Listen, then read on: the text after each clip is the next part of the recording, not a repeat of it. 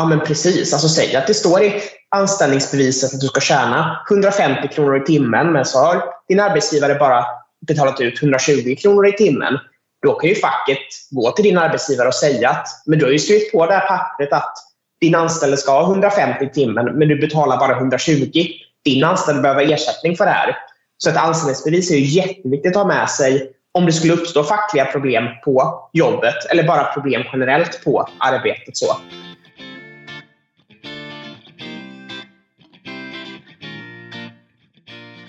Hej och välkommen till LO-distriktet i Småland-Blekinges podcastserie Facket på sommarjobbet. Dagens avsnitt kommer handla om anställningsbevis och solskensavtal. Vi kommer bland annat prata om vad ett anställningsbevis är, varför det är så viktigt att ha ett och vad som menas med solskensavtal. Till min hjälp idag för att bena ut dessa frågorna har jag med mig Eskil Karlström. Och innan vi börjar ska han få presentera sig själv. Så välkommen Eskil!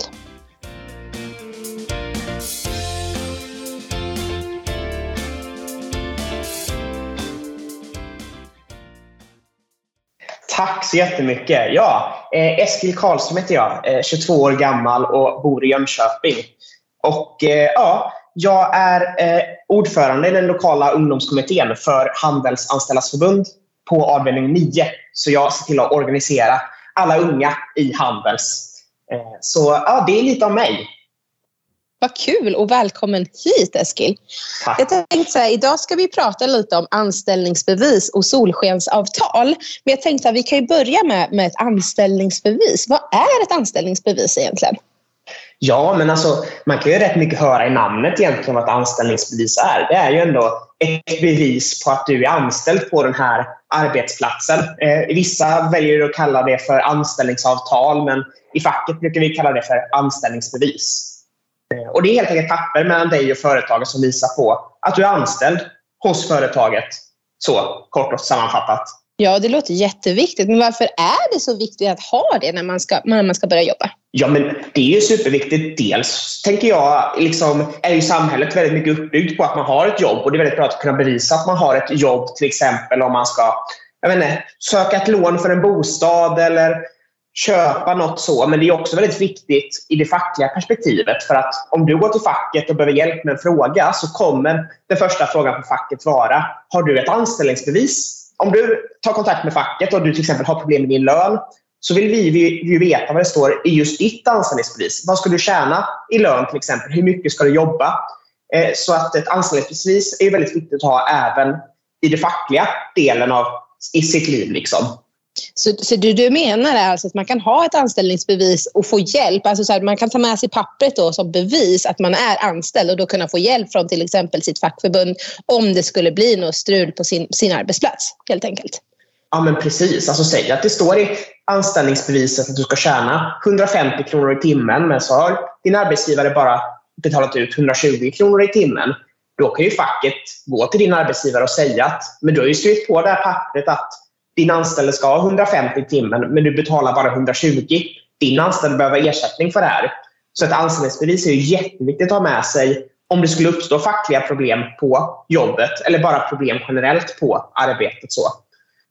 Ja, och du var ju inne på lite det nu här när du sa att här, vad man skulle tjäna och liknande. Att om det står på anställningsbeviset att man ska få 120 kronor i timmen så ska man få det. Men vad är det som är som ska stå i ett anställningsbevis? Eller är det bara lön eller hur ser det ut med den biten? Nej, men det är ju lite mer också. Dels är det väldigt viktigt att eh, ditt namn står och till exempel ditt personnummer står med i anställningsbeviset så att man verkligen vet att det är just ditt anställningsbevis.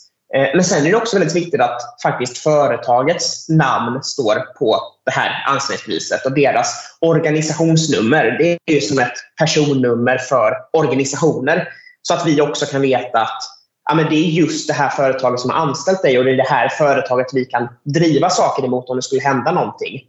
Eh, och så står det lite om att om det finns kollektivavtal eller så också, ett anställningsbevis. Och det som är också viktigt är att ett anställningsbevis ska undertecknas både av arbetsgivaren och av, du, av dig som arbetar. Eh, för ett kontrakt bör ju inte gälla förrän dess att det faktiskt är underskrivet av båda parter. Så det ska man också tänka på. Ja, och, och, och där är det jätte, jätteviktigt att ta med sig att så här, om man får ett anställningsbevis så kan det även vara bra också att kanske inte skriva på det på en gång. Utan man kanske tar med sig det hem och, och läser vad som verkligen står på det. För när man väl har skrivit under det, då är det ju det som gäller också. Man kanske säger så att ja, men du och jag har kommit överens om att jag skulle få 130 kronor i timmen och sen står det bara att du ska få 110 kronor i timmen på, på anställningsbeviset men man inte har tänkt på det. Men då man har skrivit på det, då är det väl det som, det som gäller. Ja, precis. Och även lite sånt här om arbetstimmar och också din anställningsform står ju där. Är du anställd på 100 procent eller är du vikarierar eller har du bara en allmän visstidsanställning? Eh, sånt står ju också i ditt anställningsbevis till exempel. Eh, så att liksom, egentligen all information om vad du ska göra på jobbet står ju i ditt anställningsbevis på något sätt. Eh. Ja, så, så, det du menar är att det även står till exempel hur, hur långa dagar man ska jobba eller hur många timmar i månaden man ska jobba och, och sånt också? Precis, och det är också en jätteviktig grej att ha med sig. Jag menar, om din arbetsgivare säger att du ska jobba 40 timmar i veckan, då ska du också jobba 40 timmar i veckan. Han kan inte, eller hon kan inte hålla på att eh, liksom, hyvla på din arbetstid hur som helst. Utan du ska ju ha rätt till de timmarna det står i ditt anställningsbevis. Så det är också väldigt viktigt att ha koll på. Kommer man överens om att man ska jobba 75 procent, ja då ska det också stå 75 procent eller 75 procent av 40 timmar i ditt anställningsbevis. Så det är också jätteviktigt att hålla koll på. Så att man inte blir lurad och får mindre pengar i plånboken. Men, men vi säger så här, det står på mitt anställningsbevis att jag ska jobba vi kan ta 20 timmar i veckan och det blir ungefär en halvtidstjänst eftersom 40 timmar i veckan räknas som en heltid.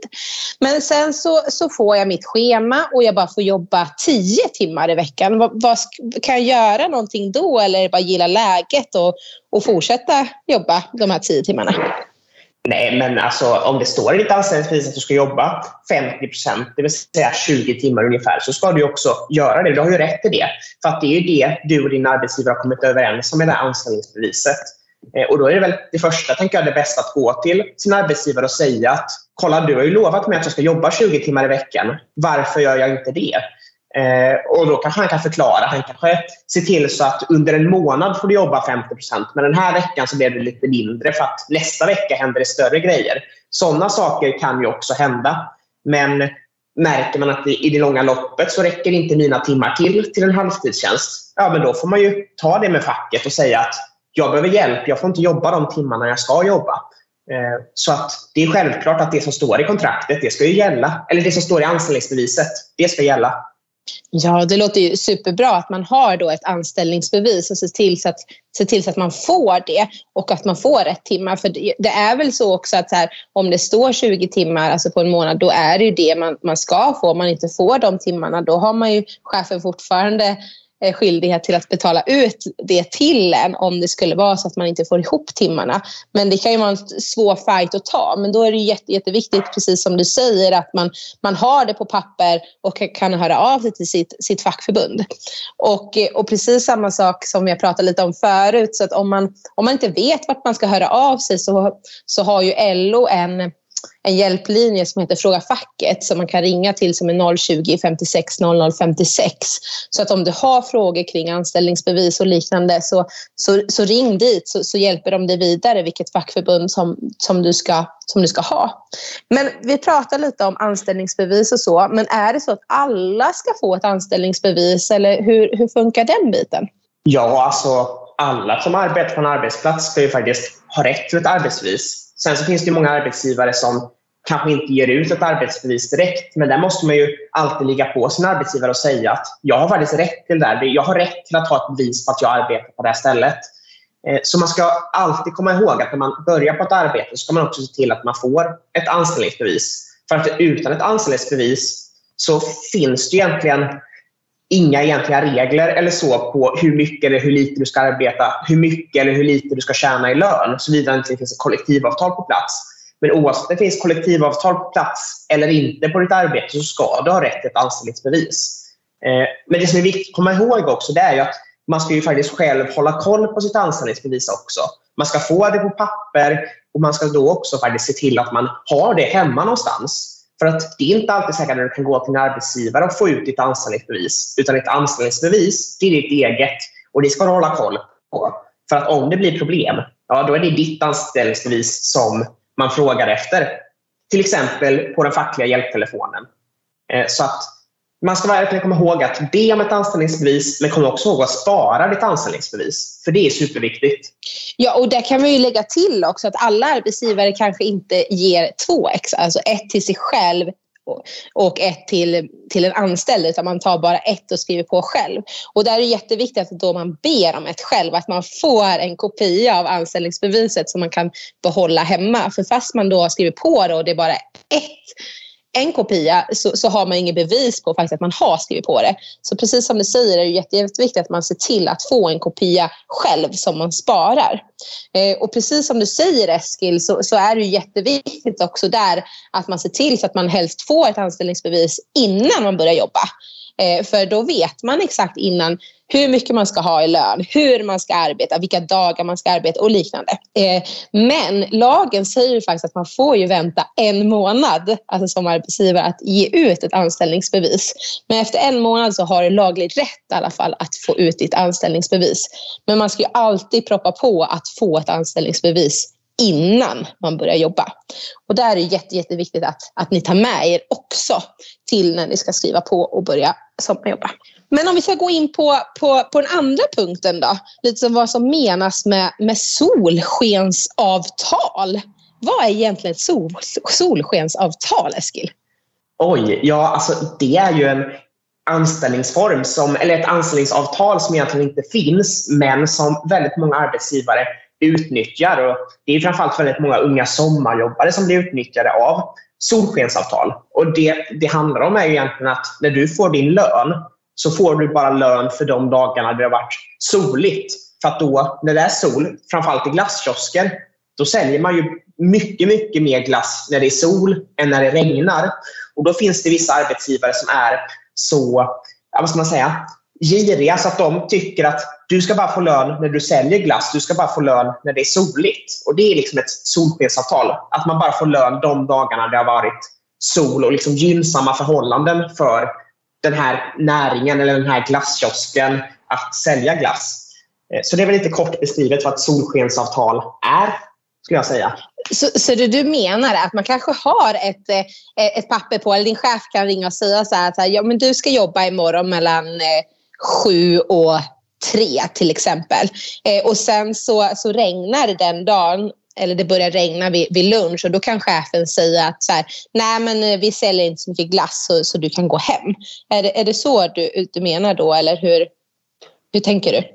Ja, delvis. Men det finns ju också exempel på liksom folk som har jobbat en vecka men som kanske bara får betalt för tre dagar för att det faktiskt har regnat de fyra andra dagarna. Men sen finns det också exempel, precis som du säger, på sommarjobbare som har blivit hemskickade eller till och med eh, liksom blivit tillsagda att inte komma in på jobbet de dagarna det regnar. Och det förlorar egentligen bara du själv på, du som är anställd, för att då får du ingen lön. För det är ju bara så att du har ju rätt till att jobba de dagarna som står i ett anställningsbevis. Oavsett om det regnar, eller åskar eller om det är sol. Du har rätt till de pengarna som din arbetsgivare har lovat från början. Eh, så det kan man ju komma ihåg att om man någon gång blir tillsagd att eh, inte komma in till jobbet eller att det regnar, då ska man också se till så att man faktiskt får lön för de dagarna också. Annars har din, arbets, eh, din arbetsgivare faktiskt begått ett brott. Han har inte betalat ut de pengarna som man ska betala ut. Och det, då ska man också ta kontakt med facket så fort man får möjlighet egentligen. Ja, för att vi, vi pratade lite om innan att med ett anställningsbevis där det skulle stå hur, hur många timmar i veckan och liknande eller månaden man ska jobba. Men här så kan det finnas en liten gråzon och jag tänker att det kanske är bra här att man ser till så att man får, får, får sitt schema då för att kanske inte bli, bli utnyttjad på detta viset. Eller hur säger du, tänker du om det? Ja, men det är väl jätteviktigt att man får ett schema i förväg så man vet exakt vilka dagar man ska jobba. Så, så att eh, det är självklart att man ska få ett schema. För att då kan man också visa till arbetsgivaren att nej, men du har ju lovat mig att jag ska jobba den här dagen och då ska jag också få betalt för den här dagen. Eh, men sen så finns det ju såklart exempel också på Vissa dagar kanske man vill gå hem tidigare och då kan man komma överens med arbetsgivaren om att ah, men okej, jag kan gå hem lite tidigare.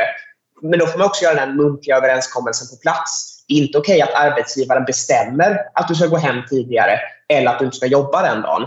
Men kommer ni överens om det så är det en annan situation. Så det vet ju jag till exempel i mitt arbetsliv när jag jobbade på en stor nöjespark att de dagarna då det var dåligt med folk i parken då kunde arbetsgivaren sätta upp en lapp på tavlan i personalrummet där det stod att idag händer lite mindre saker på arbetet. Eh, de som är intresserade av att gå hem tidigare får säga till. Då kunde man säga till att jag har en grej att passa i eftermiddag så jag kanske vill gå hem en timme tidigare. Då är det fine. Men hade min arbetsgivare kommit till mig på jobbet och sagt Eskil, det händer ingenting i parken idag, du får gå hem. Då hade det varit liksom ett solskensavtal, för då är inte jag med på den grejen. Liksom. Så lite långt sammanfattat sådär. Ja, och, och, det du menar då är alltså så att vi säger så att det finns mindre att göra en dag. Eh, chefen säger så här, du kan få gå hem om du vill men du får inte betalt under den tiden. Då kan du göra ett aktivt val att gå mm. hem. Men det är skillnad då om, om chefen säger till dig så här, du Eskil, nu får du, nu får du gå hem.